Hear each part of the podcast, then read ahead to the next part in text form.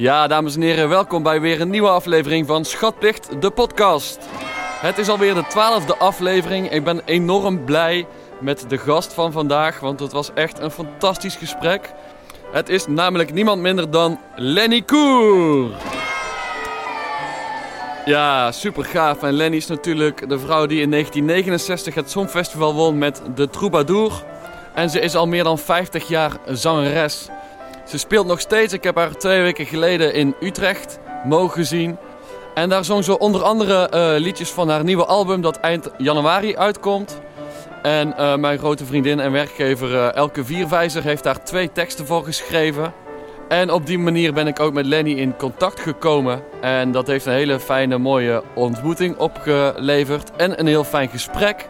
We hebben het gehad over spiritualiteit, over zingen, over hoe Lenny zangeres is geworden. En over een hele hoop andere dingen. In ieder geval wens ik jullie heel veel luisterplezier. Wil je op de hoogte blijven van de podcast? Uh, volg hem dan via Instagram of abonneer je via iTunes of via Spotify. En dan krijg je alle afleveringen mee. In ieder geval hier het gesprek met Lenny Koer. Ik heb er zo min mogelijk in geknipt, uh, want het was gewoon een heel fijn gesprek. Dus ik zou zeggen, geniet ervan. Nou,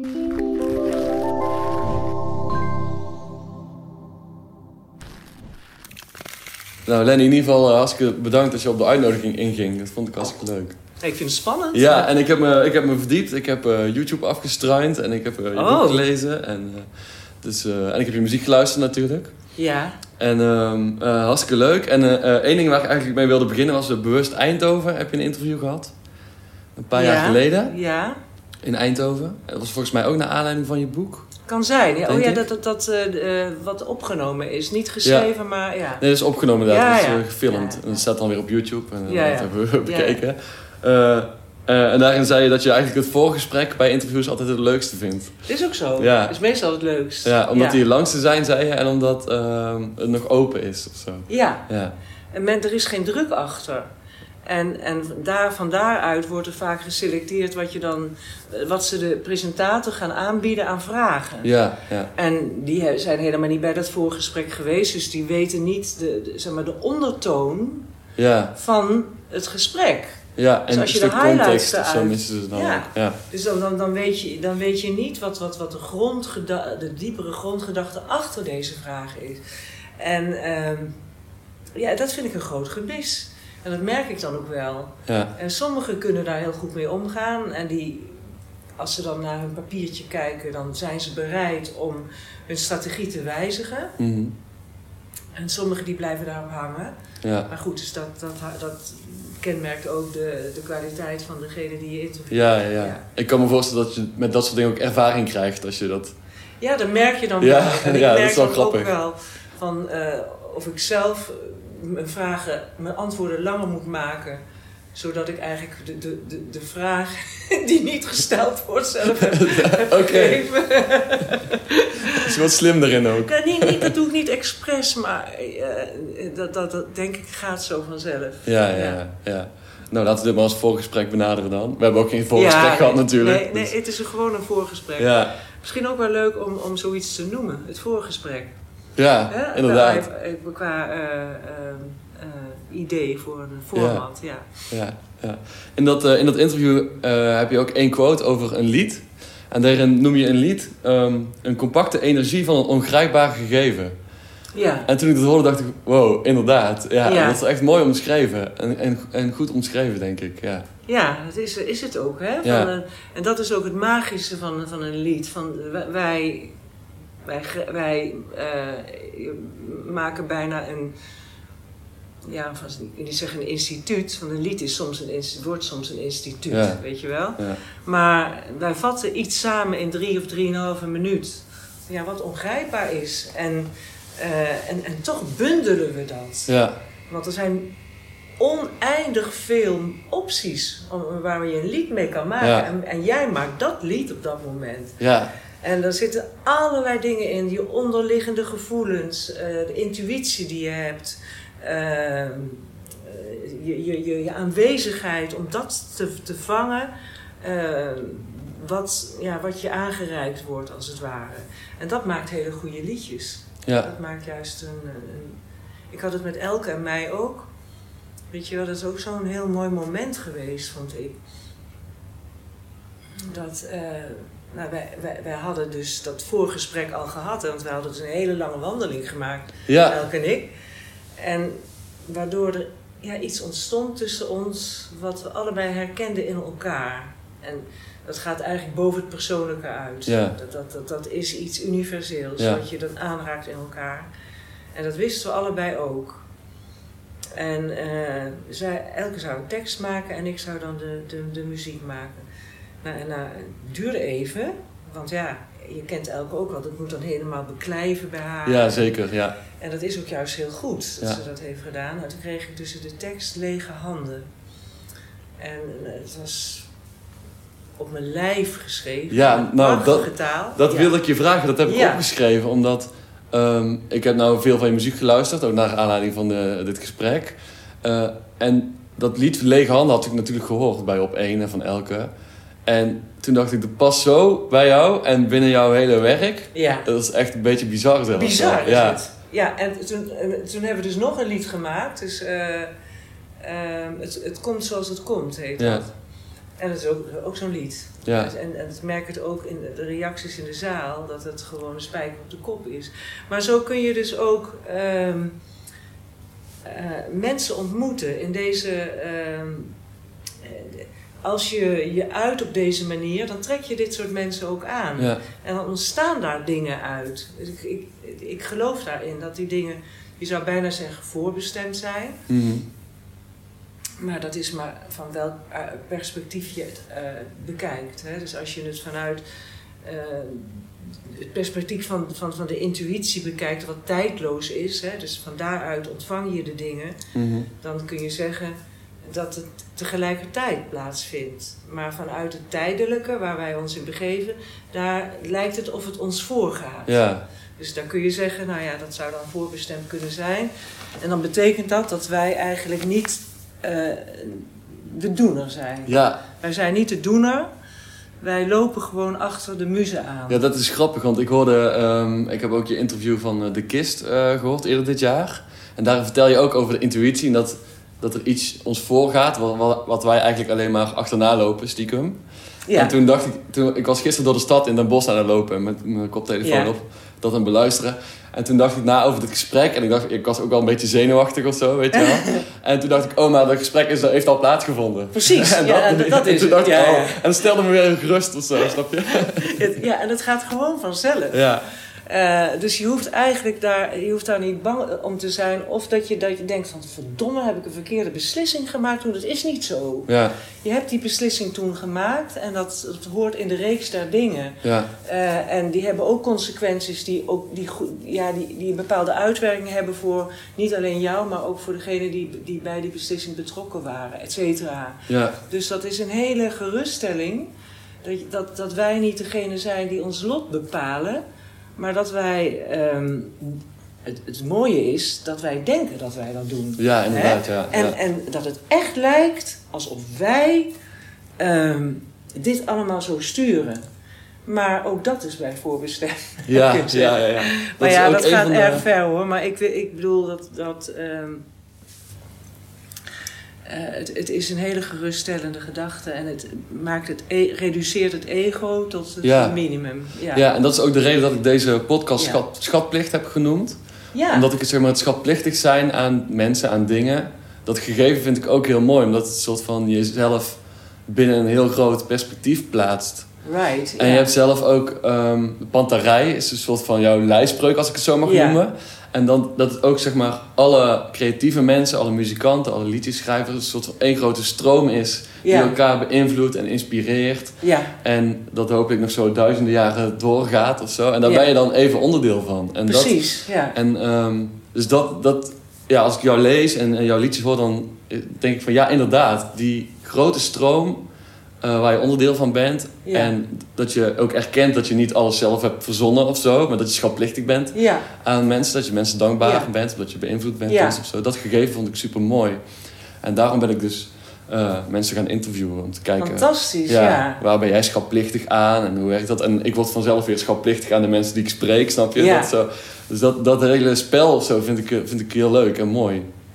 Ik denk dat dit is nu op jouw pad gekomen, ook door die hele corona Ja, zeker. Ja, En, en dat dat juist ook mensen, ehm, eh, t- eh, ja, zeg maar, brengt na- naar hun, hun dieper liggende eh, grondtoon. Ja. Ik het dan maar noemen, hè? Van waar alles uit voortkomt. Want dat, dat, dat is een verlangen dat in iedereen zit. ja, Alleen sommigen die vertalen dat op een hele materialistische manier. Hè? En, en totdat dat ook uitgeput raakt. Hè? Want het is ook weer de wet. ja, Dat alles wat je, waarnaar je verlangt, als je dat vertaalt in materie, dus eh, op reis gaan, eh, dingen willen bezitten en noem maar op, die dingen, Mhm. en die raken uitgeput. Want je merkt dat je, je diepste verlangen daarmee niet wordt ge, ja, bevredigd. En dan kan je op een punt komen, zoals dat in de coronatijd eh zich vaker heeft voorgedaan met mensen die daar klaar voor waren. ja, Dat je ineens eh, ja, daar komt. Hè, van wie zijn wij eigenlijk? ja. En dat is grappig. Ja. want ik moet nu eigenlijk aan de link denken, maar daar kom ik zo wel op. Maar inderdaad, in die coronacrisis, ehm eh, theaters waren dicht. Ik Ja. geef eh, muziekles op basisscholen ook, twee dagen in de week. Nou, die waren Ja, ook dicht. Dus ik zat daar ook. En dan, normaal heb je je hele agenda. En dan, eh, dan ben je eigenlijk niet echt bezig met wie ben ik of zo. Dan doe je gewoon een beetje je ding. En dan je identiteit ontleen je eigenlijk een beetje daaraan. En dan valt het weg. En ik denk nu pas eigenlijk aan het verband met jouw stemverlies. Waarin je ook niet meer kon doen eh, wat je altijd deed. Maar dan om een andere reden. Maar, en toen ben je ook een soort van je identiteit... Ja, niet kwijtgeraakt misschien, maar... Ja. Ja, wel Ja, omdat ja. je je identiteit daaraan had, had ontleend. Ja. Het, het, het, het- dat is en eigenlijk, daar kom ik ook heel vaak op terug, omdat ik weet dat het niet alleen maar is om mijn eigen verhaal te vertellen, maar om, om iets te vertellen dat, ehm, ja, dat, dat de, de grondslag ligt aan, aan alles. Dus als je bevrijd wil worden van zoveel, weet je wel, van de chaotische systeem waarin wij zitten. En met duizenden vertakkingen en noem maar op. Als je daarvan los wil komen, als je wil voelen wie je in ten diepste eigenlijk bent, dan weet je niet waar je naar moet zoeken. Ja. Want dat wat zoekt, dat, dat ben je al. Dan maar zeggen, Ja. dus het, het, het- en dat, dat weet je niet. Je weet niet dat dat, dat wat kijkt, dat dat het eigenlijk is. Ehm, maar in, in vele eh, zeg maar, wegen die leiden tot, dat, tot dit inzicht, daar wordt vaak eh, het, het, eh, de, de, de, de, de zwarte nacht of de nacht van de ziel genoemd. Hè? Dus het, het, het- ineens dat je ziet dat je niemand bent. Ja. Dat je eigenlijk een, een, lege, ja, een leeg vat bent dat gevuld wordt elke keer. En ja, als je, als je, als je dat heel diep ziet. Dus ik zag dat dus ook, hè, wat jij net noemt. Mhm. Ehm, tijdens mijn, st- ja, ik noem dat stemverlies. Mensen denken dan, ach, die was even de stem kwijt, het was hees, maar dat was absoluut niet waar. Nee. Eh, ik had een aandoening waardoor een, bijna een soort verlamming op, optreedt. Eh, waardoor er dus geen enkele impuls meer naar de stembanden was. En, eh, en het strottenhoofd. Dus ik kon absoluut geen, niet echt meer praten. En Nee. ook had ik geen enkele kracht meer. Om te, dus ik kon niet meer zingen en ik kon ook niet meer praten. En het was zo zacht allemaal, dus dat ik ook niet meer sprak. Want het was gewoon niet om aan te horen, zo stuntelig. En... Nou, toen ging ik eigenlijk. Mag ik daar even iets over vragen? Ja, Want was dat iets fysieks of ehm, zat daar een soort van psychologische blokkade? Ehm, omdat je schrijft dat het soort van samenviel met eh, het vinden van een spiritueel leraar en daar echt induiken. ja. En had dat daarmee verband of was het gewoon iets fysieks of zo? je dat... kan bijna zeggen dat bijna alles eh, ja, psychosomatisch ja. is. Ja, Maar dat neemt niet weg dat het ook een naam heeft. Dus, en, maar dat wist ik toen niet. oké. De doktoren, de artsen wisten absoluut niet wat ik had, want het was helemaal nog niet bekend. Nee. Later, en dat is pas denk ik een jaar of zeven geleden, kwam ik iemand tegen aan de cd-tafel. En toen vertelde ik dat verhaal nog, een beetje. Eh, en toen zei ze, ik heb hetzelfde gehad. En dat is spasmodische dysfonie. Oké. Het is een neurologische aandoening. En eh, dat heeft drie varianten. En eh, de variant die ik had, ja, die wordt duidelijk beschreven. Dus het, het niet meer kunnen. Eh, sommigen die hebben een, een, stem die alsmaar hapert, die, die zo gaat. Mhm. In mijn geval kon ik geen klinkers meer zeggen aan het begin van een woord. Dus geen i, a, u. Dat ging absoluut. Al had je me een miljoen gegeven, had ik dus niet kunnen doen. Had ik ha, hi, hu. Dus ik kon niet. ah, dat Ja. kon niet meer. Eh, en voor, en eh, st- voorkomen stemzwakte. Dus, dus de- alle lage tonen waren weg. Ik had alleen een klein beetje hoog nog, dus kon, het, het leek niet meer op mijn stem. Dus, Nee. dus het, het, het, eh, ik kon mijn eigen stem niet meer herkennen. Het, als je je hand op je borst legt en je spreekt, dan weet je dat ben ik. Ja. Hè? Zo spreek ik, dat is, dat heel vertrouwd. En bij mij was het net of het, of het iemand anders was. Ah, oké, ja, ja. Ehm, ik kon mijn kinderen niet meer roepen. Eh, ik, ik, ik- mijn voorstellingen werden uitgesteld. Eerst drie maanden, toen een half jaar, toen een jaar. Ja, en dit was 1993 toch, hè? Ja. Niet? Ja. Ja, ja. Maar, goed, dus, maar het was een zeer interessant pro- proces. Want eh, je zei het net ook al. Mijn verlangen om te weten wie ik was, deed zich al eerder voor. Ja, ja, ja. Ik had het als kind al, dat ik dus zo'n diepe heimwee voelde. Ja. En, en ik denk, waar komt dat toch vandaan? Dan keek ik soms als kind rond en dan... Wat, wat, ook de geuren, weet je wel, die bracht ik terug naar, naar iets zo heimisch, wat ik niet kon plaatsen. Eh, een diepe, diepe nostalgie, een heimwee. Ja, en jij bent wel vroeg op zoek gegaan naar wat het was, toch? Of niet? Want ik las het Ja, zo- als je- kind al uit een, Ja. uit een socialistisch milieu. Dus ik wilde leggen, het- mijn, en, en wij adoreerden mijn vader. Mhm. En dan neem je automatisch ook aan wat, wat hij beweert. Ja, ja. Nou ja, die, eh, schatje, God, dat is allemaal, dat- is allemaal flauwekul. Oh, oké. En, eh, en na de dood is er helemaal niks. Oh, ik dacht Nee. misschien was het een streng katholieke opvoeding, maar dat was het tegenovergestelde. Nee, nee, nee, het tegenovergestelde. En ik dacht, je kan me nog meer vertellen. Dat dacht ik. Ja, ja. Hè? Ja, ja, ja dacht, meteen nou, eigenwijs Ik geloof alles van jou, maar dit wil ik toch wel... Ik had gewoon diepere gevoelens Ja. ermee. Maar ik had er geen beelden bij. Ik, had geen, ik ging wel naar een katholieke kerk. Tuurlijk, want ja, ik woonde in Brabant. Ja, En wat doe je dan als meisje? Dan kwam ik in die hele koude grote kerk terecht en keek omhoog. Dan moet dan boven ergens wat God dan zijn. Nou ja, als ik dan die kerk uitging, dan voelde ik me zo bevrijd. Want het was zoiets, toch Ja. wel niet wat ik bedoelde. Het was Ja. niet wat ik wou. Dat wist ik dus wel. Dat, ja dat dat is dus zo eigenlijk grappig. was. Als klein meisje al, want je zou zeggen zo'n grote kerk en dan die beelden. Ja. Dat het ook wel indruk maakt, maar jij was een soort van teleurgesteld daardoor. Ja, nee, het was het niet. Het Nee, was nee. Niet, niet. En toen ben ik ook nog eens een keer op bijbelles gegaan. Want ik dacht, ja, dat moet ik dan toch ook wel weten. Mhm. Nou, in principe kwam ik eh, uiteindelijk terecht. Ik, ik, ik, ik informeerde als achtjarig of negenjarig meisje bij vriendinnetjes. Ik zat op een openbare school Mhm. Van bijbelles. Ja, er was één meisje die ging op bijbelles. En eh, ik zei, ja, waar is dat dan? Weet je, ik ben helemaal niet zo inventief. Maar het, op dat punt dus Ja, blijkbaar. ja, wel. ja. En eh, daar en daar. Ik zei, mag ik daar ook een keer naartoe? Nou, ik, volgens mij zat ik in een soort Pinkstergemeenschap. Het was een hele aardige juffrouw. En die vertelde ons dingen over het Oude Testament en over Mozes en zo. Maar ook daar kreeg ik zo'n heel gevoel alsof ik ergens zat. Wat, wat, wat, wat, niet pluis was. nou ja, dus dat ben ik ook weer weggegaan. Nou ja, ik heb dus inderdaad gezocht.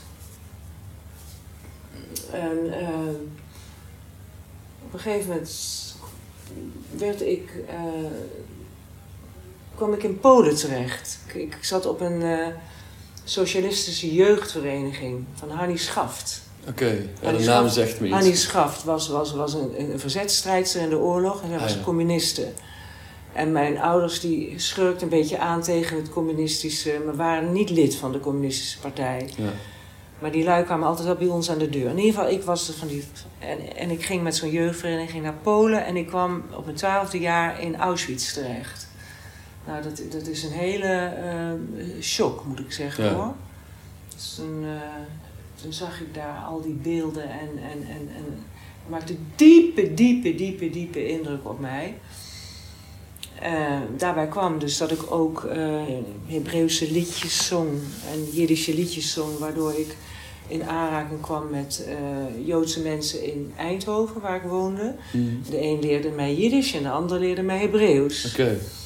En daar had ik een thuisgevoel bij. Dus Ja. ik, ik zag op een gegeven moment de kamer van eh, de vader van een jongen die mij eh, een liedje leerde. Hinema tovu manayim leshevet achim gam yachad. Hoe heerlijk is het, hoe fijn is het om met als vrienden samen te zitten. Dat is een heel bekend lied.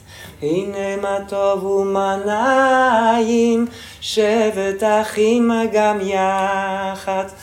הנה מה טוב ומנעים שבת אחים גם יחד. En hij had een, een kippa, een keppeltje opgezet, want dat is een strofe uit, uit de Tenach, uit, uit de Torah. Die Mhm. jongen. Oh ja. Maakte indruk op mij. Het was ook een hele leuke jongen om te zien. ja. Weet je wel, dat scheelt ook natuurlijk een En had je gewoon in heleboel. Eindhoven ontmoet? Of hoe kwam je Ja, daarbij? in Eindhoven, Ja, ja. ja. ja. En eh, toen kwam ik langs de bibliotheek van zijn vader en daar stonden allerlei boeken in het Hebreeuws. En ik zag die letters en ik kreeg zoiets van: "Ah, dat is, de, ik wil daar alles van weten. Ja. Zo gaat het zo, weet je wel. Dus Ja. daarom zeg ik: de dingen gaan je voor. Ja. En ehm, nou ja, dat heeft me dus uiteindelijk geleid. Ik, ik had een, een vriendje, die was, eh, was een Joodse jongen. Daar heb ik verkering mee gehad, is toen uitgeraakt. Mijn eerste man was een Joodse man. En ik dacht, ik wil ook geen, niet dat de kind, mijn kinderen verloren gaan voor het Jodendom. Ik had al die, die, die koffers gezien in Auschwitz. Ja, ja. ja. Maar ik vond het ook wel te gek, want je moet dan overgaan tot het Jodendom. Mhm. Want het Jodendom gaat via de moeder. Ja. En ik dacht, ik wil, dat wil ik dus wel bestuderen. Dat wil ik bestuderen. Ja. Dus toen ging ik echt bestuderen. En ik ging, natuurlijk die verhalen, ging ik anders zien dan ze stonden. Ik interpreteerde dat op een diepere manier. Ja, ja, ja. Waardoor het voor mij eigenlijk heel mooi en heel abstract werd. En eh, het Jodendom had, heeft dan een God die absoluut niet genoemd mag worden. En die, die, die, die, is er niet. Er is geen figuur, geen vaderfiguur. Nee. Er is, het is al, een alom eh energie. Ja. En eh, dat trok me enorm aan. Nou, dus dat, dat, dat, dat traject heb ik afgelegd. eh, uiteindelijk Joods geworden, wat bijna niet onmogelijk is, maar wat ik toch gedaan heb. Maar ik ging verder zoeken. Eh, het, het, ik kwam nog niet in mijn geval tot de essentie. En dat was dan echt een gevoel? Of miste je echt iets van, nou ja, ik zou dit beter willen kunnen of zo? Of was het gewoon echt een, vanuit een Ik- gevoel dat je dacht, er mist nog iets? Of het is Ja, nog ik- niet compleet of zo? Ik wilde bijvoorbeeld weten, wat is nu spiritualiteit? Ja. Wat is dat dan? Ja, Eh, zijn dat verschijnselen? Eh, moet je dan helderziend worden? Of is het iets anders? Ja. Dus het was gewoon een hele concrete vraag die ja, had. ja, ja. Dat is grappig, die vraag heb ik ook opgeschreven. Wat is spiritualiteit? Ja, Dus, eh, in het begin zei je dat het bij het voorgesprek dat je soms vragen beantwoordt waarvan je denkt van... ja, ik, maar ja, en dan ben je mijn vraag aan het beantwoorden, Ja. dus dat is eigenlijk perfect. Maar ehm, ja, mijn opvatting van spiritualiteit, en dat is dan dat dat, dat, dat het soort overkoepelende ding is eh, voor alle religies. En dat eigenlijk alle religies vanuit oorsprong spiritueel zijn, maar dan een soort vorm krijgen, of een soort Ja. verhalen krijgen. En, Ja, en eh, bepaalde kleding en alles gebruiken en zo. Ehm, maar dat dat spirituele vaak al op de achtergrond verdwijnt, of al soms al nee, niet nee, meer het is. is net zo. zozeer als met een liedje. Het is voor, voor mij is een religie een poging om eh, iets wat esoterisch is te, te, te va- vervatten Ja. in een verhaal Ja. en, en, en, en, in boeken. Eh, wel soms met de mogelijkheid tot meerdere interpretatie, dus exegese. Mhm. Hè, dus dan, dan wordt een hoop mee goed gemaakt. Hè, want al die dingen die concreet staan, dat kan natuurlijk niet. Nee, ja. Hè, je kunt niet uitgaan vanuit de dualiteit, wat heel vaak in het Oude Testament is ook duaal. En in de interpretatie, in de exegese, blijkt dus dat het niet zo is. Maar dat hangt dan ook af van, van de, de, degene die, die eh, dat allemaal wil weten. Ja. Dus als mensen het zomaar aannemen, Ja, dan gaan ze de dingen verdelen in goed en kwaad. ja. En in je boek schrijf je ook eh, over rituelen en gebruiken die hun betekenis eigenlijk al verloren zijn. Ehm, en het is de, het aanraken van de mezuzah. Ik weet niet of ik het goed zeg. Ja, die aan de deur je hangt. Ja, Ehm, en dat zoiets, dat als je dat met, niet met de goede intentie doet, dan heeft het eigenlijk helemaal geen, geen nut, geen betekenis. ja, Als je ja. zo'n ritueel niet met de goede intentie doet. En als ik vaak in de kerk kom, dan zie ik vaak mensen dingen opzeggen dat ik denk van, heb je daar enige bedoeling Ja. bij? Of zo? Dat-. Volgens mij is dat een beetje ver te zoeken of zo. Ja, en alles hangt van de intentie af. Ja. Ook hoe wij hier zitten, wat wij, pra- wat wij, wat wij zeggen, Mhm. eh, hoe je naar iemand kijkt of eh, wat is jouw intentie eigenlijk. Ja. Dus met andere woorden, zi- zit daar, zit daar veel in van what's in it for me Mhm. or not, Ja. weet je. Maar die, de juiste intentie is eigenlijk eh, het meest pure wat er is. En natuurlijk eh, redden wij dat niet altijd, want het zijn niet altijd even puur. Nee. nee. Maar als die intentie daar wel is om dat te zijn, dan maakt toch een heleboel goed, denk ik. ja. Dan kom je misschien Ja. uiteindelijk of zo. Ja, zeker. Ja. Ja. Maar je komt jezelf ook wel tegen. Ja. En, en eh, als je denkt van, oh, ik heb dat wel gezegd, maar... eh, dus je, kijk, je, je, je pelt jezelf toch nog wel af in, in, in de dingen die je tegenkomt. En dat houdt nooit op. En dat is ook niet erg. Ja, je pelt jezelf af, af, zeg je. Dat is mooi dat je dingen van wie je denkt dat je bent steeds kwijtraakt of zo. En daardoor Ja. juist wordt wie je echt bent of zo. Ja, nou, jij bent al wie je... Je wordt het niet, Ja. omdat je het al bent. Ja, ja, ja. Alleen moet je het, eh, eh, moet je het herkennen. En dat herkennen. ehm, mensen denken altijd, als ze op zoek zijn naar hun diepste wezen, dat ze eh, visioenen moeten krijgen, dat ze ehm, ineens plotseling het licht moeten zien. En er zijn zoveel Ja. eh, vooringenomen dingen, waardoor ze, en die belemmeren alle, allemaal. Dus het, het, het zijn allemaal eh, belemmeringen, allemaal ide- ideeën, waardoor je niet, waardoor je het, you overlook it, you overlook it. Ja, ja. En, je gaat het eh, steeds toch ergens anders zoeken. Ja, Ja, want het is dan blijkbaar, het, je, je gunt het jezelf, het, het kan niet dat dit het dan is, bij wijze van spreken. ja, ja, ja. ja. Maar eh, het, het, het is eigenlijk heel eenvoudig. Het is heel eenvoudig en heel veelomvattend en heel. eh, het, het, het, het, het, het zorgt ervoor dat je 180 graden draait. ja. En dat is een, een, een, een, een, een bevrijding eigenlijk. Ja, dat is grappig dat je zegt het is eenvoudig. Want moet ik weer denken aan dat gesprek dat je had bij Bewust Eindhoven. Ehm, daarin eh, ging het volgens mij over een lied zingen dat je echt, ehm, dat eigenlijk een lied zingt. En jij bent eigenlijk het instrument van het lied, zeg maar. Ja, En ehm, toen ging het over het gevoel wat, wat het dan is. En dat- toen kwam je eigenlijk, na een paar woorden, kwam je uit op je bent gewoon. Ja, En dat, en dat vind ik grappig dat je zo, het eindpunt dan van, van zo'n hele gedachte gewoon is van, ja, je bent gewoon. En dat Ja. is het gewoon. ja, precies. Ja, gewoon ja. zijn en gewoon daar zitten en spelen of staan. Ja, en, en, daar geen naam aan geven. ja, ja, Eh, dus geen, ge- geen, namen, ge- geen naam aangeven. Daarom, in het Jodendom wordt gezegd, geef geen naam aan God. Dus je mag het geen namen noemen. ja, Maar in principe geldt dat eh, voor alles. Dus eh, eh, bijvoorbeeld, ge- eh, ik had het vandaag ook eventjes met, eh, met de, de, vrouw die je net hebt gezien, die je net wegging, ja, over. Dat men soms onderliggende gevoelens heeft, bestemmingen heeft. Ehm, eh, moet je daar nou in meegaan of, of kan je het gewoon door je heen laten trekken? Je hoeft niet in te gaan op dat verhaal. ja, ja. Dus je hoeft er geen verhaal van te maken. Ja. Dus ik, ik heb ook na dat inzicht hè, van 93 Mhm. ook, ook hele moeilijke periodes meegemaakt. Dus privé dingen die echt moeilijk waren. Ja. Het enige wat ik steeds wist was, maak er geen verhaal van. Eh, voel het, allerlei dingen, pijn, eh, Ja. eh, al- alle dingen die je misschien niet gunstig vindt. Maar laat het gewoon door je heen Ja. trekken. En, en dat is eigenlijk wel een bevrijding. Dat je, Ja. dat niet, eh, dat je niet een verhaal van hoeft te maken.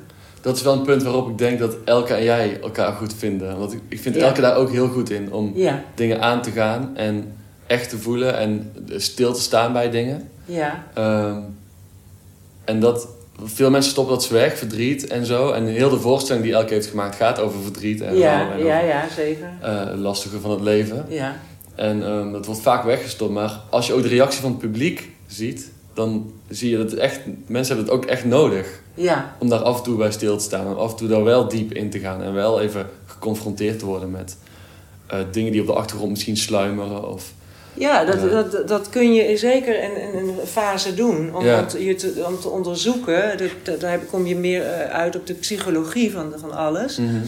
Van eh, waarom heb ik deze aannames? Eh, waarom schrik ik als eh, dit en dit wordt gezegd? En dan kun je dus kijken van wat er in je jeugd gebeurd is en zo, al dit soort dingen meer. Ja, En op een gegeven moment, eh, ja, ik heb dat ook gedaan.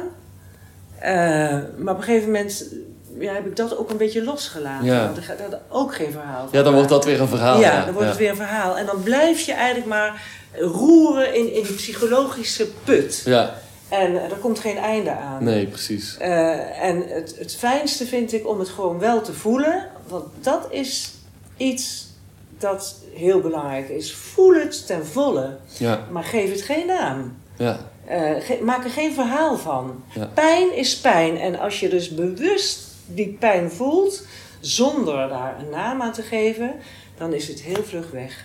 ja. Ja, en dat is een soort bevrijding. En dat weet je van tevoren. Je weet van tevoren dat als je een stemming hebt die jou eh, be- bedrukt of, of zelfs blij maakt, of wat dan ook. Dat is de andere kant. Ja, ja. Eh, dat dat eh, ook voorbij gaat. Ja. Het trekt gewoon voorbij. Dus wat zul je er dan druk om maken? Ja, weet je precies. wel? Ja, dat scheelt een hoop zorgen Ja. als je het zo benadert. Maar het is lastig om in het alledaagse leven dat te, te blijven herinneren, Ja. vind ik soms. Ja, Ja, ja. ja. grappig Ja. is dat. Hey, ehm, eh, in het boek, het gaat ook veel over spiritualiteit. En dan beschrijf je op een gegeven moment de juichende fontein. Oh ja. En dat is, dat is dan dat gewoon zijn. En dat, eh, ja, ja, een soort van bloeien of zo. De interpreteer fontein is voor mij... eh, is voor mij, als je vanuit het nulpunt, eh, als daar ineens een, een, een, een, een wap, weet je wel, een, een expressie komt. Ja, En ehm, dat niet ophoudt. Dus de fontein die, die, die blijft, die blijft die, dat kun je ook voelen. ja, En dat is ook, eh, ehm, ja, je kan het bij ook kundalini noemen. Hè? Dus dat, ik, ik, ik heb dat heel erg, weet je dat, dat, dat, dat ineens van een, een brandpunt is waar, eh, waar ineens alles ehm, ja, juicht. En, ja, ja, en, en daar, daar, komen, daar komen dingen uit. Ja. En maar maar die, die zijn dan weer in principe niet zo persoonlijk. Omdat, ze, eh, om, om, omdat het ergens vandaan komt. Eh, het gaat wel door je heen. Mhm. Waardoor je wel natuurlijk alle middelen gebruikt om het, eh, en, om het vorm te geven. En die kunnen wel persoonlijk zijn. Hè? Wat je in je jeugd hebt meegemaakt. Of ja. eh, dingen die je mooi vindt. Dus die, die kleuren krijgen het wel mee. Mhm. Maar dus de bron eh, au fond is dat iets wat niet persoonlijk is. Ja, ja.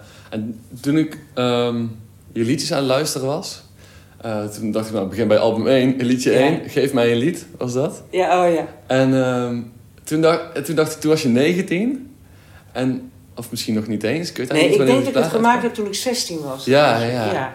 En dan hoor ik dat en ook hoe- de manier waarop je zingt, en dan denk ik, ja, ik hoor een soort van juichende fontein of zo ja, al. ja. En nog een voorbeeld, dat is ehm, Ga met me mee, en dan een, eh, een, eh, uitvoering met het Metropoolorkest. Ja, dan zie ik dat ook gewoon zo in een soort juichende fontein. En, en ehm, dan moet ik even een gesprek dat ik eh, had met de pastoor van Valkenswaard, ook eh, vanwege deze podcast. Ja, En die zei het, ja, het evangelie, dat ging dan over het evangelie van de Ja. Jezus. En dat is een blijde boodschap. En als ik dan heel veel liedjes van jou, bijvoorbeeld eh, Ga met me mee, eh, Leven of zo. Leven, al, leven. ja, leven, Alles alles, mijn leven wil. Dat, Dat, dat, zou altijd, bo- zo, het is een blijde boodschap of zo. leven, alles wat we leven, dat is echt een voorbeeld. Daar komt ook de juichende fonteinen in voor. Echt waar. Nou ja, dat is ja. Juichende fonteinen. Ja, klopt. Oh ja, klopt. la, la, Ja, tot in de eeuwigheid. Ja, ja. Leven, alles Ja. wat maar leven wil.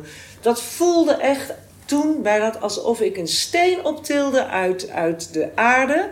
En dat daar ineens een soort bron uit, eh, Ja. uit, uit tevoorschijn kwam. Ja, en dat Eh, gevoel krijg ik bij Ga met me mee ook heel ja, sterk. ja, ja, ja, Ja. ja. maar zo werkt het ook wel, ja. En, en wat ik ook heel leuk vind, omdat ik zelf schrijf dan ook wel liedjes sinds een paar jaar. Ja, en Elke natuurlijk ook. En we zijn allebei een soort van toch geneigd om eh, heel veel over verdriet en over, over de over de zware kant van het leven. De, en dan hoor ik jou en dan denk ik, zeg maar. eh, zo de angst is altijd dat een positief liedje iets zoetsappigs krijgt of iets Ja. clichés of zo. Ja. En bij jou zie ik gewoon echt een soort van die vreugde. Eh, Ja, die juichende fontein eigenlijk. Ja, ja, ja, en dat, dat vind ik echt gaaf. Die, die super positieve eh, eh, liedjes, maar dan echt, echt vanuit een soort essentie. Niet Dat is het. om een carnaval te maken of zo, maar gewoon echt vanuit een soort gevoel van... Ja, het is ook schitterend allemaal, dat. Ja, maar, maar ook ga ik dus het andere niet uit de weg. Nee, omdat nee. alles bij elkaar hoort. Ja, maar ik zou niet bijvoorbeeld een, een lied kunnen maken dat... bij mij gaat de spiraal altijd wel omhoog. Ja, Omdat ja. het zelfs lichamelijk voel ik dat. ja, Dus ik voel ook in, in mijn lichaam voel ik een kolkende energie. ja. Eh, eh, van, van top tot teen eh, zijn er allerlei ja, zeg maar, wielen die draaien in mij. Ik kan Mhm. het niet anders zeggen, ik kan er ook niks aan doen. Ehm, maar dit, dit bruist gewoon door, door alles heen. Ik kan niet een lied maken dat, eh, dat, misma dat, dat, dat mismacht, dat, dat, dat, dat, dat triest, alleen maar, alleen maar Ja, triest ja. is. Alhoewel sommige dingen dat natuurlijk wel zijn. Eh, als je erbij stilstaat alleen maar. Dus het kan ook heel erg mooi zijn.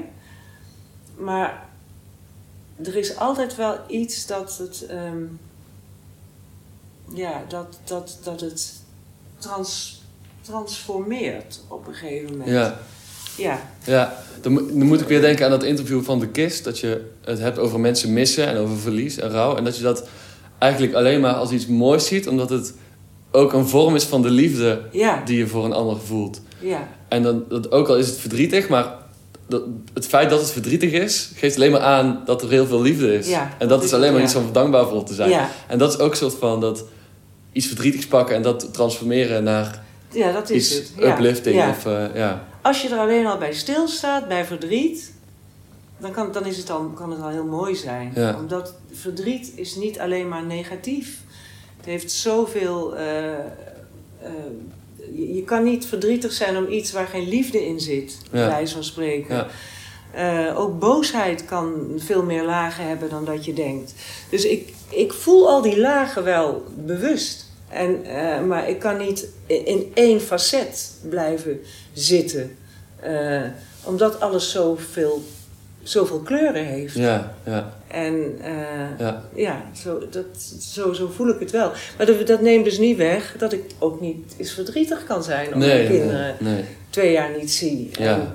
En, ja, ook wel persoonlijke dingen. Mijn kleindochtertje werd verdorie gediagnosticeerd met een, een, een, een, hele vervelende diagnose eh, in deze coronaperiode. Waarin iedere eh, moeder eh, meteen het vliegtuig wil nemen naar, naar, naar Ja. haar dochter om haar te troosten. Ja, En om daar te zijn. En dat, dat ging dus niet. ja. Maar nou de truc is dan om dat echt aan te gaan, om het echt te voelen dat, je, dat, dat, dat verdriet er is. Ja, dat het verdriet er is en dat je verbonden bent. Nou, uiteindelijk, ik wil mensen niet achterlaten met dit alleen verhaal. Mm. Gelukkig is mijn kleindochtertje heeft een, een treatment gehad eh, eh, met een medicijn dat in Israël alleen, alleen eh, gegeven werd. Een superduur medicijn wat in Nederland nog niet gegeven werd. heb het over de ziekte SMA. Mhm. Ze had type 2, ze heeft type 2. En in Nederland werd dat niet vergoed. En in Israël wel. Zij heeft, en, en nu wordt het hier in Nederland gelukkig ook. Oké. Dus levensreddend voor kinderen. Maar goed, eh, dus het gaat nu goed met haar. En, eh, en, en de- er is een kans dat ze ooit zou kunnen lopen. Maar het is zo'n super slim kind met zoveel, heel veel eh, talenten... dat ik niet eens alleen daarbij stilsta. Ja, ja. Ik zie het geheel. Ja. Ja. Ja. Maar dus dat speelde, dat speelde toen. En ehm, ja, dat, dat, ik, daar, daar, daar stond ik dus wel bij stil. En het is nu alleen dat ik eh, hoop te gaan eh, binnenkort naar, naar Israël. Ja. Om bij de, de derde verjaardag te zijn van mijn kleindochtertje. En bij Mhm. de zesde verjaardag van mijn kleinzoontje. Ehm na twee jaar. Ja. Dus eh, nou, dat, is, dat is ook wel weer fijn. Ja, dat is een mooi vooruitzicht. Dat kan ik me voorstellen. Ja. Ik hoop dat het lukt. Nogmaals. Ja. In deze tijden niet vanzelfsprekend. Dat zei je voor het gesprek al. Ja, Dus, eh, ik, ik zie me daar al. Dus ik laat me niet makkelijk tegenhouden door allerlei maatregelen. En eh, ik probeer dan toch, ja. soms heb ik ook wel eens dingen gedaan die onmogelijk waren. En die, die toch Gelukt zijn. ge- gelukt zijn. Ja. En dat- dat, vroeg ik me dan ook af. Want heeft dat er ook altijd al in gezeten? Dat soort van eigenwijze? Of een soort van, eh, nou... Ik kan we, beter gaan het ei- eens laten zien of zo, dat? Nee, ik, ik denk dat het eigenzinnig is in Ja. plaats van eigenwijs. Eigenzinnig, ja. Want Ja. als ik je dan ook zo zie bij dat Songfestival... En ehm, eh, ja, toen je dan... Je deed met Cabaret der Onbekende mee... En dan wist ik niet, maar een, een liedje van Armand zong je Ja, daar. Dat was heel grappig. Want- een, een, een, een melodie van mij. Oké, En, ehm, en ik zong vroeger in het Engels, omdat ik een, een, een, een zachte G had. ja, ja, ja. En ik, ja, ik dacht, dat ga ik niet zingen. Er zijn alleen maar smartlapzangeressen die dat doen. En Ja. daar hield ik dus niet van. Maar uiteindelijk ehm, heb ik me over laten halen. En ehm, toen zeiden ze, ja, maar ik weet wel iemand die eh, daar een mooie Nederlandse tekst op kan maken. En dat was dus Armand. Ja, leuk. Ja, het is toch een soort cultheld van mij. Zo. Ik heb hem één keer zien spelen. Ja, En eh, ja, het is toch een fenomeen. Echt, Ja, echt een fenomeen. Ja, ja. en natuurlijk Eindhovenaar ook een hart. Ja. Maar ehm, eh, hoe kwam je daar terecht dan bij dat cabaret de onbekende? Want toen was je 16, 16. 17, zoiets. En, en eh, nou, je speelde al gitaar en je zong eigenlijk echt wel geweldig al op jonge leeftijd, vond Ja. ik. Ehm, heb je die musicaliteit ook van thuis meegekregen? Nee, Of nou, ik, ik weet, ik, eh, ik- mijn vader had een tweelingzus die heel jong is overleden. eh, en waarvan gezegd werd dat zij prachtig kon zingen. En mijn vader had ook een hele mooie spreekstem. Hmm. En als die zong, vond ik dat hij heel mooi zong. Ja, Maar ja, ik, ik, ik, ik vond muziek gewoon heel... Zo bijzonder. Ik denk dat ik dat jou wel, dat jij dat meteen snapt. ja, ja. ja. Ehm, ik zat op de, op de lagere school en ehm, op, ik had een zangles. En de juffrouw speelde blokfluit, want ja, dat, dat, dat, dat, leer- dat leerde ze op, Ja, de, op de pedagogische academie. ja. Eh, en op een gegeven moment leerden ze ons kanon zingen. En eh, nou, daar ging ze voor staan. En die rij zingt dat. En, ja, en, en dan zingt die, eh, weet je, nou, dus Ja, ja. kom mee naar buiten allemaal. Eh, en op een gegeven moment openbaarde zich dat. Dus kom mee naar buiten, kom mee naar buiten, kom mee naar buiten allemaal. En ik zat daar tussenin. En eh, nou, daar begon dus die juichende fontein. Ja, ja. Daar voelde ik van nou, dit is zo ontzettend mooi. Ja. Dit is zo mooi dat je daartussen staat, tussen al die stemmen. Ja, dat is ook... Ik vind de kanon ook wel zo. Dan heb je zeg maar, een soort van groepen Ja. die allemaal een eigen ding doen. En dan ze samen een harmonieus geheel. Dat is ook een soort van metafoor voor het leven of zo. Snap je? Voor die ja, ja, maar dat je daar live tussen staat. Ja, en inderdaad. Dus, dus dat vind ik echt zo mooi aansluiten bij dat hele... Ja, toch spirituele ook Ja. wat je hebt. Ja, dat is grappig. Ja, Ja, maar dat, dat- dat- mensen vergeten dat, dat, hoe dat is om in een koor te zingen. Ja. Om tussen al die harmonieën in te staan. Op de vrije school wordt het heel veel gedaan. En mijn kinderen hebben erop gezeten en die hebben op koorklas gezeten. Nou, daar werd dus eh, Mozart eh, gezongen. En die kinderen die, ja, ik denk wat die daar aan, aan een cadeau hebben gekregen. Dat zij dus elke week, een, een dag in de week, die koorlessen hadden. en daartussen stonden.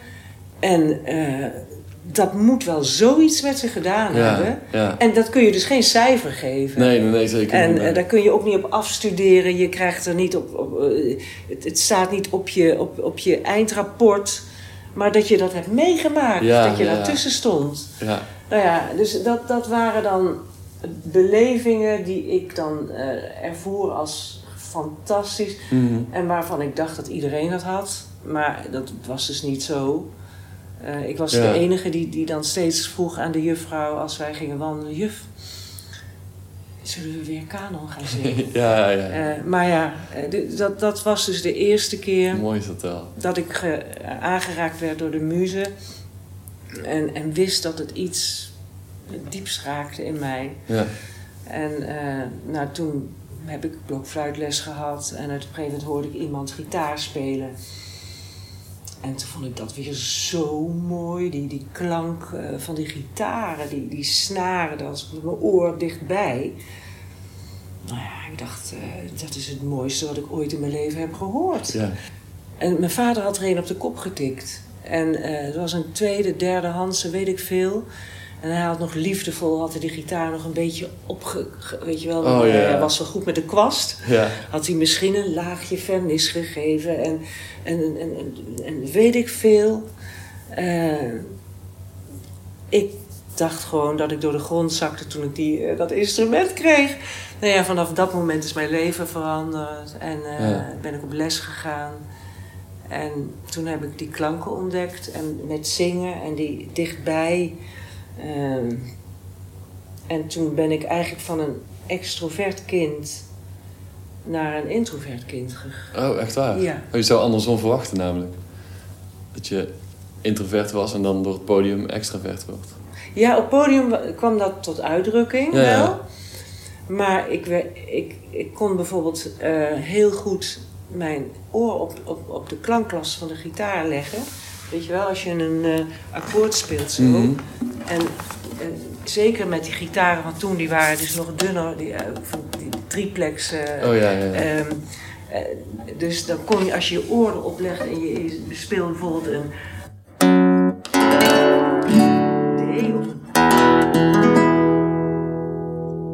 Nou, dan, dan beleef je die hele trillingen Ja, ja. door je hele lijf. Ja, oh, ik moet in één keer denken aan dat zo maar vroeger bij mijn vader zo eh, tegen mijn vader aan hing. En Ja. dan- En dan praatte hij best een lage stem, dat ik dan zo heel die borstkas zo... Wauw, zo- zie je wel. Ja, dat Ja, een beetje ja. dat idee, ja. Ja, ja maar, dit, maar die, die trillingen gewoon, dat is ook muziek. A- Alles zijn, is trillingen eigenlijk. Dus je, ja, wat jij met je vader had, is dat je de- de- de- zijn stem hoorde. Wat ik net ook zei, als je dat even kwijt bent. Ja, ja, dus dat je, dat, je die, die, dat thuisgevoel van die, van die mm, vertrouwde trillingen even niet hebt. Maar toen, dus dat ik te maken kreeg met eh, niet alleen eh, eh, zes snaren, maar ook de uitklanken daarvan. Mhm. Dat je die hoorde. Ja. Hoe, hoe het dus eigenlijk. Het, transformeerde eigenlijk. Want wat, wat wij flageolet noemen, Mhm. of weet je wel. Ja, boventonen. Boventonen, ja. dat, dat is gewoon transformatie. Ja, ja, ja. Dat is eigenlijk wat, wat mensen in hun leven hoop, hopelijk doen. Dat ze psychologische eh, dingen kunnen transformeren naar een, naar een verfijnder, eh hogere, hoger plan. Ja. En, maar dat gebeurt al in alles eigenlijk wat je ziet. ja, ik las ook dat je de, de ehm, nou, dan moet ik het goed zeggen natuurlijk, de mysterie, de Voices Bulgare, of zoiets, Ja, dat ook veel geluisterd hebt. Volgens Ja. mij tijdens de eh, stemproblematiek. het heet, En dat is eh, ook met die boventonen natuurlijk. eh. Wauw, ja. Het- Ja. Het is Frans, hè? Het is, en, en dan spreek je het uit. Eh, mijn kinderen die, die, die maakten altijd een grapje van, omdat ik het, daar, omdat ik het eh, waarschijnlijk goed uitsprak. En eh, dat klinkt een beetje aanstellerig. Maar ik zou het dan aanstellerig zeggen. Le mystère des voix bulgares. De fabrika, ja precies. Nou. Dat was het. Ja. En, en die hebben dan ook die secundes tegen elkaar. Ja, ja. Weet je wel? Nou, dan weet je toch niet wat je hoort, Ja, inderdaad. hè? Die, die, spanning dan. ja, ja. Nou, dat, dat, dat, dat is ook een juichend fontein Ja, mij. dat is echt eh, gave ja. muziek, ja. Ja, hele gave Ja, muziek. ik weet nog dat op de docent muziekopleiding waar ik op heb gezeten, eh, dat ze daar dat behandelden als wereldmuziek, eh Ja. het kopje wereldmuziek. En dan denk je ook van, oh wow, dit bestaat ook zo. Dat. Maar ja, weet je, het, het, het- ik heb het wel eens een keer laten horen aan een, een leraar van, eh, van mijn dochter in de klas. En ik zei, moet je hier eens naar luisteren? Hij vond het lelijk. ja, oh, ja, ja, ja, Ja. Hij- omdat het niet eh, volgens het harmonische patroon is. Maar een secunde is natuurlijk, eh, dat, dat zou bijna niet kunnen, omdat het schuurt langs elkaar.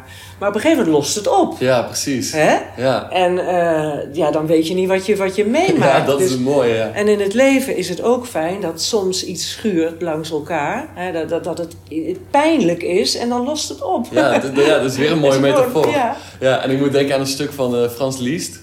Dat is een pianostuk. En daar ehm, Eh, gebruikt hij alle tonen. Het is een heel atonaal stuk. En hij gebruikt alle tonen behalve de Ja. D. Ja, en het zit oh aan ja. het einde van het stuk zo één D. En als je dan die D hoort, dan denk ik ook... Terwijl, ja. Ja. een D, ja.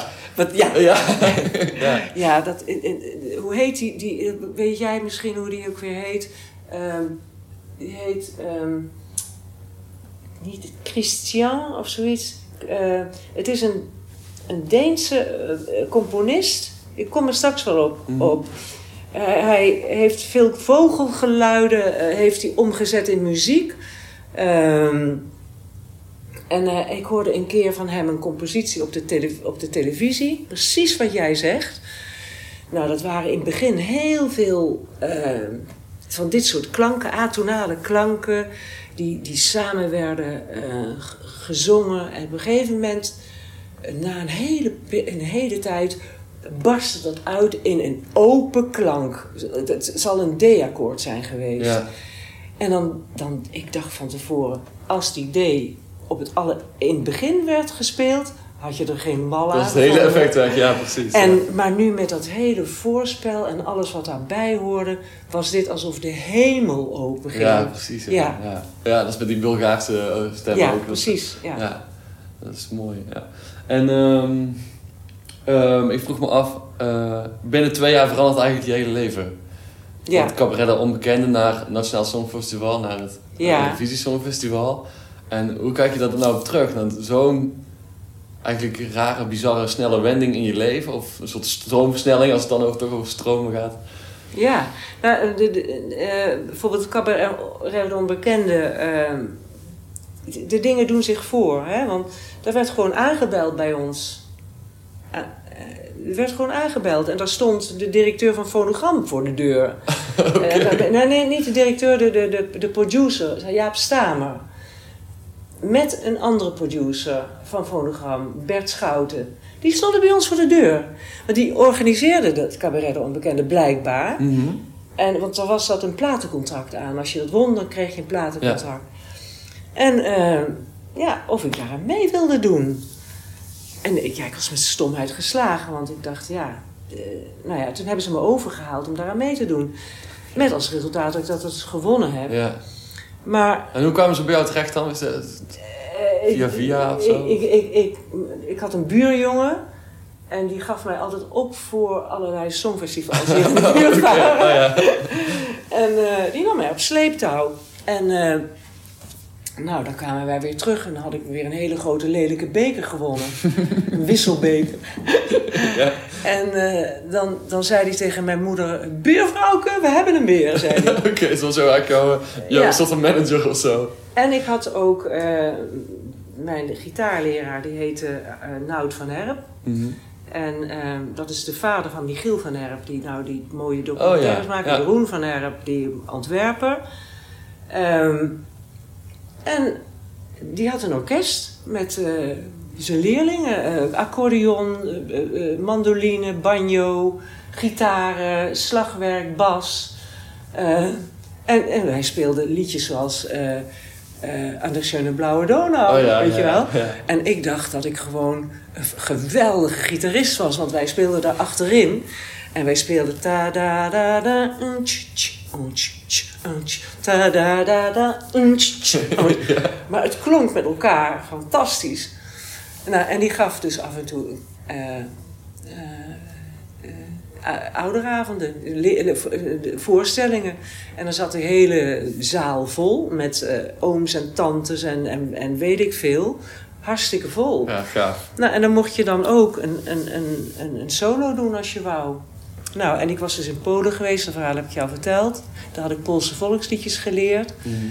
En eh, ik had mijn gitaar meegenomen daar naartoe. En ik kwam terug met een Pools volksliedje. En dat was mijn eerste hit. En ehm, hij speelde daar mandoline mee. En ik zong dat daar. En ineens voelde ik van... Ja, ik, ik, er gebeurt gewoon iets als ik aan het zingen ben. Ja, Er gebeurt iets met mij. Er gebeurt iets met de zaal.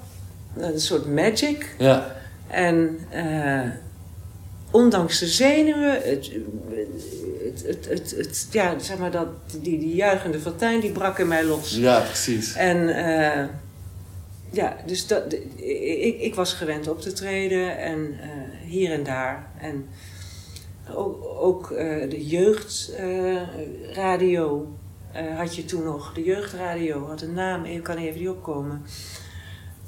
Ik ben toch geïnterviewd, dus ze, had, ze hadden mij eh, gespot, Ja, zeg maar. ja, En eh, nou ja, toen... eh, ja, Toen ging het stromen. Het. Ja, Ja, ging het stromen. En de- eigenlijk heb ik nooit mijn best gedaan voor iets. Het enige waar ik mijn best voor heb gedaan, is, is omdat ik het zo leuk vond. En omdat ik het fijn vond dat wij liedjes maken. ja, ja. Maar ik zat nooit te denken aan hoe ik mijn carrière zou plannen. Ehm, dit, dit, het kwam allemaal op mijn pad. Ja. Ik, en, en misschien is dat ook een nalatigheid, want ik had eigenlijk achteraf gezien, zou ik, had ik kunnen zeggen, had ik veel eerder het hele mooie theatertraject Ja, ja. in kunnen gaan. Maar ik was in Frankrijk bezig, en, ja. maar zo is het dus niet gegaan. En, en zo heeft het niet moeten gaan. Nee, nee, precies. Ja. Dus Ja. je bent overal geweest, inderdaad in Frankrijk, maar ik las ook in eh, Zuid-Amerika en Mexico. En daar heb ik Ja, soms ja. wel meegedaan en eh, Ja, ik, bent inderdaad over veel plekken geweest. grote podia gezongen. En Ja. het leukste was eh, met de tournee van met Georges Brassens. Mhm. Ehm, zes weken lang met zo'n man opgetrokken. Dat was wel heel bijzonder. Ja. Daar heb ik ook veel van geleerd. En met Herman van Veen eh, Ook, ja, eh, ja. in een tour. Ik heb Herman van Veen eh, twee weken geleden gezien, toevallig, voor de eerste Ja? keer. Ja. Ja. Want eh, iedereen was er zo lyrisch over dat ik dacht, nou dan moet ik dan toch maar een keertje heen. Ja, ja. En ik vond het ook echt te gek. Ja, in het. Parktheater Ja. in Eindhoven, ja. Ja. Ja, dat was echt, eh, echt, echt een vakman. Hij is dat, een fenomeen. Dat was niet normaal, ja. Ja. ja. hij is een fenomeen. echt elke seconde dacht ik, die weet precies waar hij mee bezig is. Ja, maar dat, dat, dat vind ik ook wel mooi van, eh, van, van bepaalde scholing. Dus Elke heeft ook op de, op de, Ja. op de academie gezeten. En, eh, en Herman heeft het conservatorium gehad. Mhm. Dus ja, en die- dan kom je toch wel met een hele grote bagage. Ja. En mensen die op de academie hebben gezeten, die weten precies. Ehm, ik zag het ook aan bijvoorbeeld aan Benny Nijman, heeft ook de Kleinkunstacademie gedaan. Ja. Die wisten theatraal heel goed wat ze deden. Ja, Die dingen heb ik allemaal onbewust gedaan. ja, ja. Dus dat, dat, dat, dat, onbevangene of zo, dat, dat, heeft, dat vind ik juist ook wel heel mooi om te zien. Ja. Als je dan de troubadour bekijkt bijvoorbeeld, dan, ja, eh, dan, dan zie je ook al een soort van puur ja, niet iemand die, die volgens het boekje werkt. En dat is dan Nee. een soort van, soms een keerzijde of zo van de medaille. Bij het geschoold zijn, ja. dat je ook hebt geleerd hoe het moet, in plaats van hoe het ontstaat, zeg maar. Ja. Ja, dat, dat, dat, dat heeft inderdaad ook een, het een voordeel en een Ja. nadeel.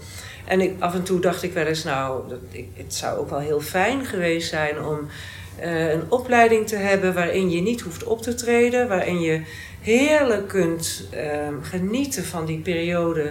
Dat heb jij toch ook gedaan op het Ja. conservatorium? Ja, zeker, ja. Hè, de- hoe fijn is dat niet om, om alleen maar met muziek bezig te zijn en Ja. eh, nog niet te denken aan. Ik, ja, ik was 16 en 17 en toen zat ik al in dit vak. Ja, ja, ja, mooi.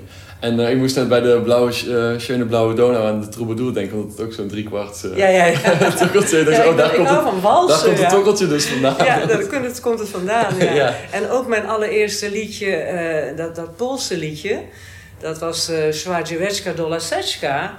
En dat was ook een wals. En Ja, eh Swadzieweczka do Laseczka, do zielonego, ha ha. Do zielonego, ha ha ha, do zielonego. Ja, gaaf. En dan was het refrein was ja la la la la la la la la la la. Dus was was mijn Ja, eerste... Ook weer heel uitbundig en heel... eh, Ja, mijn eerste Ja, contact zo. met, eh, eh, met La La La. ja, het is ook wel een troubadour ook, ja. Ja, maar ik vind La La La eigenlijk de mooiste tekst. Ja, ja, Want daar zeg je alles mee eigenlijk. ja, Want eh, het lijkt dat je dan niks zegt, maar dat is niet zo. Nee. Want je, je geeft eigenlijk ehm, eh, ja, dat wat niet te zeggen is. eh, daar gebruik je deze. deze ja. En ik vind in de troubadour dan is het ook een soort van... eh, ja, illustreren hoe de troubadour dat met volle overgave je eh, viert waar je over zingt, zeg ja, maar. je viert het lied. Ja. Je viert het leven. En daar heb je niet veel woorden voor nodig, Nee. blijkbaar. Nee, dat is mooi. En ik, ik las in je boek ook dat, ehm, dat je eigenlijk zelf een troubadour bent geworden. Eigenlijk. Ja, waar je dan in, helemaal in het begin over zong. Dat je dat eigenlijk zelf bent gaan doen. Omdat ja. Een troubadour ook een soort van een innerlijke reis in, in liedjes verklankt. Die, die compacte energie van ongrijpbare gegevens, zeg maar. ja. Eh, en dat ben je natuurlijk ook je hele leven lang gaan doen. Met de hele reis die je zelf hebt eh, gedaan. Ja, ik hoorde heel veel later dat ehm, in het Occitaans eh, de troubadour betekent, dat is, dat is ook half Frans, half, half, half, Spaans, een trobador. Dus hij die goud vindt, trouvedor. Ah ja, ja. ja, en ja. eh, dat is eigenlijk wel waar ik altijd op zoek was naar goud, Ja. weet je wel. Dus je kunt wel zeggen dat, dat het lied ehm, de, de, de, de, insti- de- de insti- instigatie was, of heeft ervoor gezorgd dat ik dat ook werd. Of, of, of- maar het, het, het was al, het is omgekeerd, weet je. ja, ja, ja. Het kwam op mijn pad. Ja, Maar ik, ik, ik werd ook heel warm van dat lied, omdat het zo een mooi verhaal was. Eh, ja, dat, en, en, dat, en dat zie je dan ook wel. Als je er zo met zoveel plezier zingt, Mhm. dan eh, komt dat ook over. ja. Ja, dat komt zeker over, ja. En het is, en ik vind het super mooi dat het zo echt soort van het startpunt van de carrière was. En dan Ja. ook soort van... Het gaat ook over jouw hele eh, le- werkende leven in ieder geval. Ja, en nu heeft... eh, want wanneer ga je dit uitzenden? Want dan weet ik niet of ik dat mag zeggen. Ehm, even kijken, ik denk dat het begin december wordt. Oké, dan mag ik het zeggen. Ja. Ehm Stef Bos heeft een lied geschreven voor mijn nieuwe cd. Mhm. En dat heet nog steeds een troubadour. Oké, En dat is zo'n mooi lied geworden Oh, gaaf. ook. ik ben heel benieuwd. Eh, omdat hij ook een troubadour is natuurlijk. Dus hij, hij, wij delen dezelfde eh, ja, insteek, dezelfde intentie in de muziek. Mhm.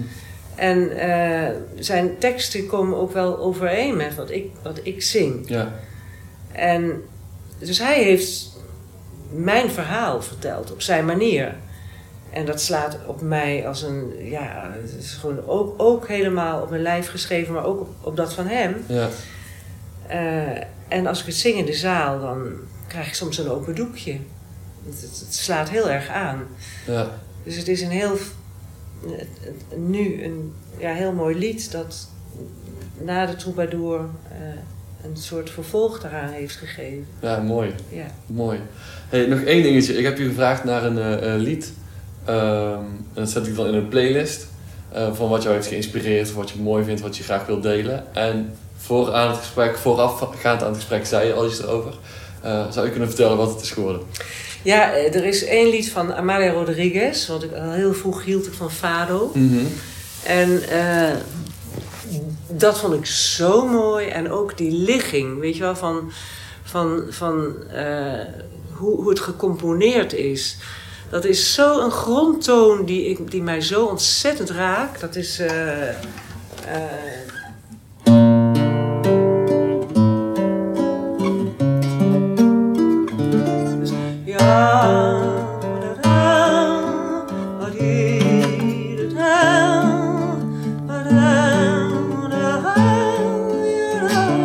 Nou ja, dat is. eh, dat heet Cansau dan. Can, Cansau Danteris. Ja, Ja. ja gaaf. Hoe lang, hoe lang speel je dat al? Hoe lang, eh, Eh, is ook al vanaf het begin? Of? ja, ik denk al, zolang ik eh Amadeo Rodriguez eh, mooi vind. Ja. kan eh, dat als 100 jaar al, denk ik. Oh ja, oké. Super. Ja. Ehm, nou, dan wil ik je denk ik echt heel erg bedanken. Nou, eh, ik heb voor het heel leuk gevonden. Goed zo, ja, dan, is het, heel dan is leuk. het goed. Ja, en ik heb hem ook, ook vermaakt met eh, eh, uitpluizen, je muziek uitpluizen en je boek lezen. En, oh, wat leuk. Nou ja, ik weet zeker heel inspirerend dat... ook. Ja, nou ja, dit, dit, zet jou echt op een spoor. Niet alleen met mij, maar ook alle mensen die je ontmoet op deze manier. Ja. is dat net op dit moment wat, wat, goed, wat goed is voor jou? Ja, wat, ja. wat jou vleugels gaat geven voor andere ja, dingen? Dat is grappig. Zo is het ook ontstaan dat ik echt zeg maar, ja, wekenlang op mijn kamer zat en te denken, ja, ja. waar moet ik nou een wet voor uitkomen? Ja. Uh, en ik, dus ik moest ook wel echt iets op korte termijn hebben waar ik zin in kreeg. En, Ja. zo. en toen dacht ik, oh, dit lijkt me echt, dit lijkt me echt heel fijn. En toen kon ik mee aan de slag, toen kon ik die spullen aanschaffen. Ja, en, ja, ja, ja. En uh, daar kreeg ik een goede zin van. En, toen, En die kun je ook nog gebruiken voor de muziek, al die mooie ja, apparatuur precies, die hier dat staat. ook. Ja. En uh, nou, het is inderdaad weer een ervaring van hoe pak je dit aan en hoe doe je dit en zo. ja, hier staan dus, dat zien de, zien de mensen niet, maar twee prachtige microfoons. Een hele mooie versterker. En, uh, ja, en een laptop. ja, en, nou ja, dat, uh, dat, hier neem je ook je mooie demo's met uh, Elke mee Ja, op. precies. Ja. ja. En thuis knutselen ook. Ja. ja. Dan boft Elke mee met jou. Ja, nou, ik doe mijn best. ja, ik doe mijn best. Zo. Ik wil bij deze Lenny in ieder geval heel erg bedanken voor het fijne gesprek. Toen ik deze podcast begon, um, ja, had ik niet per se verwacht dat het zulke uh, toffe ontmoetingen op zou leveren. En dit was er uh, zeker eentje van. Um, luister naar uh, de single van Lenny. nog steeds een troubadour. Ik zet hem ook in de playlist. Natuurlijk zet ik ook het lied dat Lenny heeft uitgekozen in de playlist. En eind januari is het nieuwe album van Lenny te horen. En twee teksten zijn van Elke. Een liedje Lege Handen. En het komt zoals het komt. Dus hou dat ook zeker in de gaten. En allemaal super bedankt voor het luisteren als je tot hier bent gekomen. En over twee weken is er weer een nieuwe aflevering. Tot dan!